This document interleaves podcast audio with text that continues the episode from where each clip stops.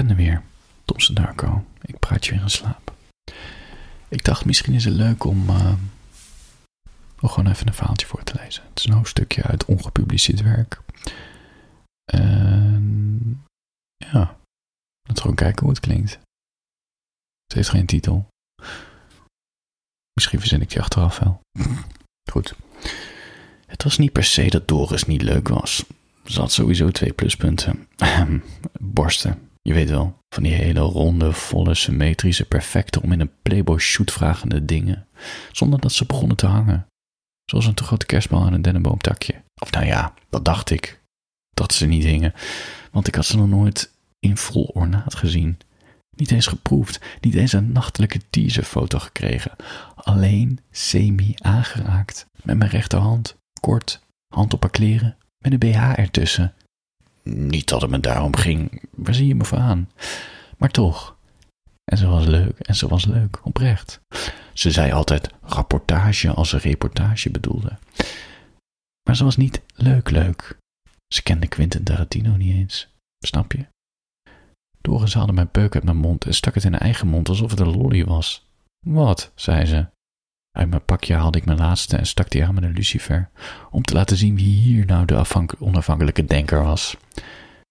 Doe je dit nou echt? vroeg ze. Ik dacht dat we samen met een sigaretje konden doen.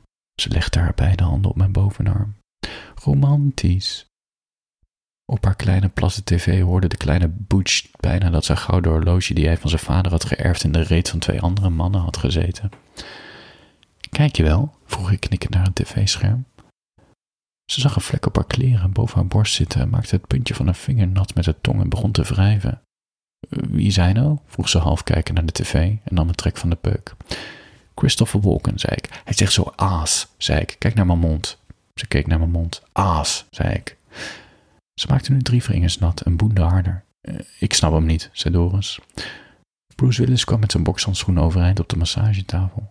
Verdomme, zei ik. Nou hebben we het gemist. Waar is strafstandbediening? Ik tilde mijn kont op en voelde alleen maar stof. Ik keek bij haar volle bovenbenen, raakte even afgeleid door haar borsten en dook toen over haar schoot om bij de andere hoek van de bank te kunnen om onder de groene kussen te voeden.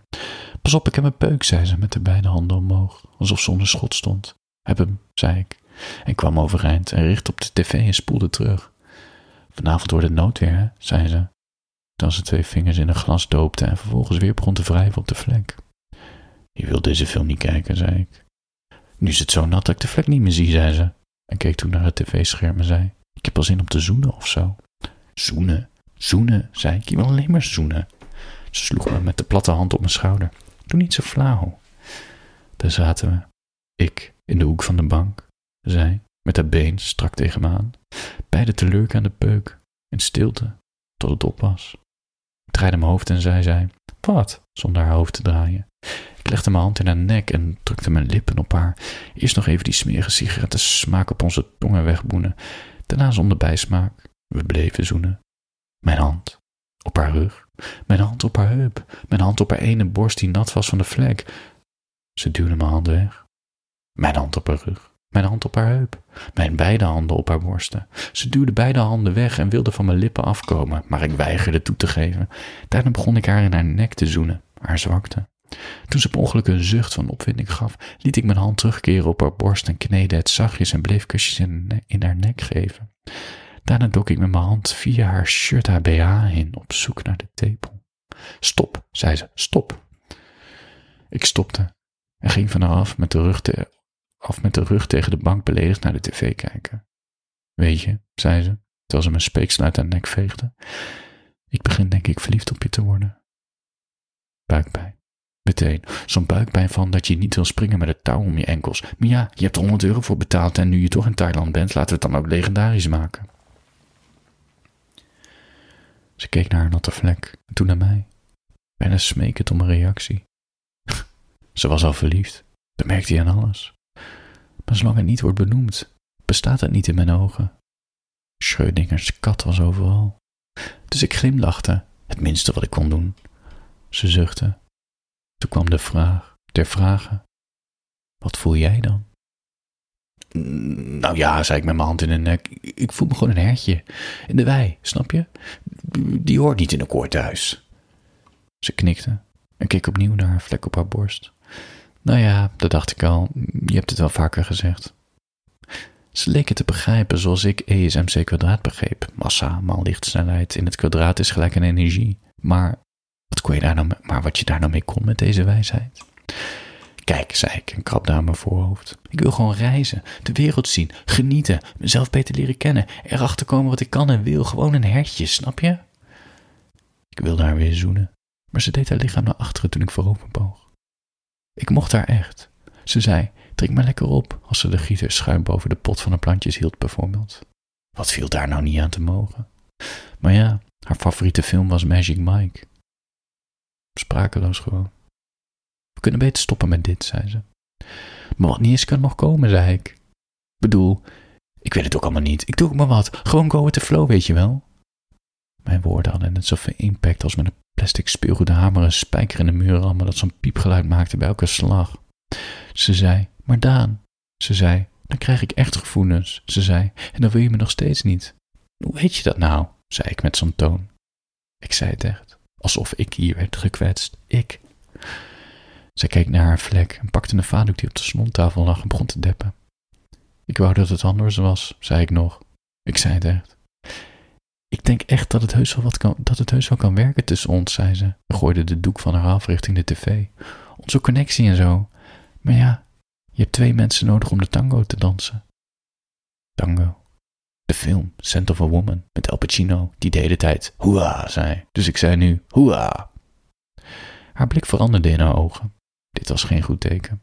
Ik begon haar te zoenen om de woede in haar tot kalmte te brengen. Ditmaal liet ze mijn lippen toe. Mijn hand ging opnieuw naar haar borst. Ik kon het ook niet helpen dat ze smeekte om aangeraakt te worden.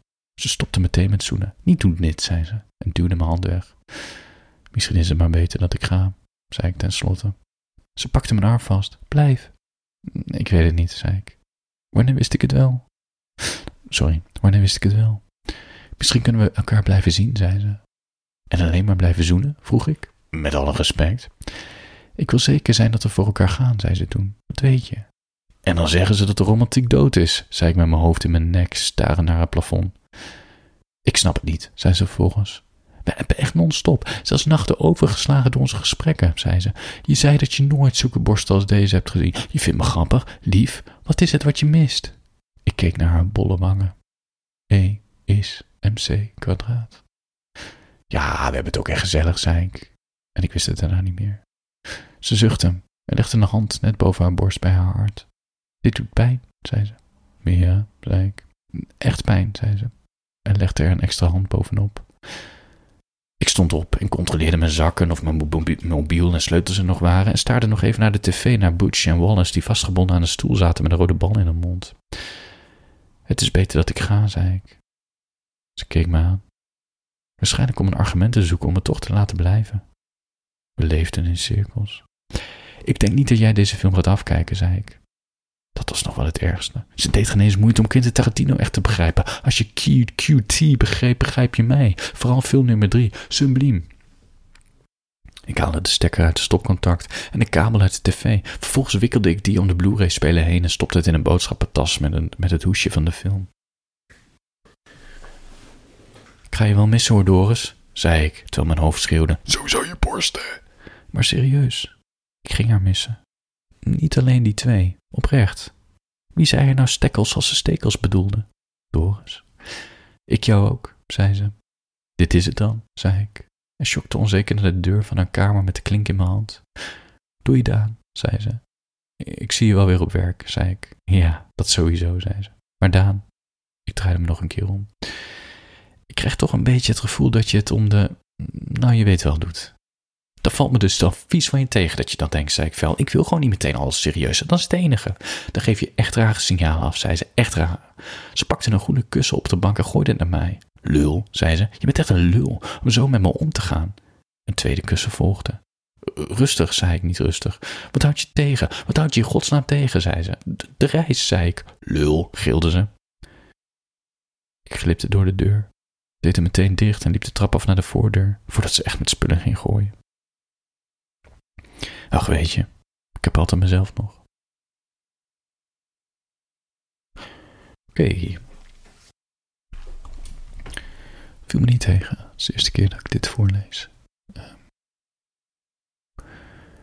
vaak lees ik het voor aan mezelf. Dan ga ik terugluisteren, dan ga ik het verbeteren. Maar dit had ik nog niet gedaan met dit uh, stukje. Maar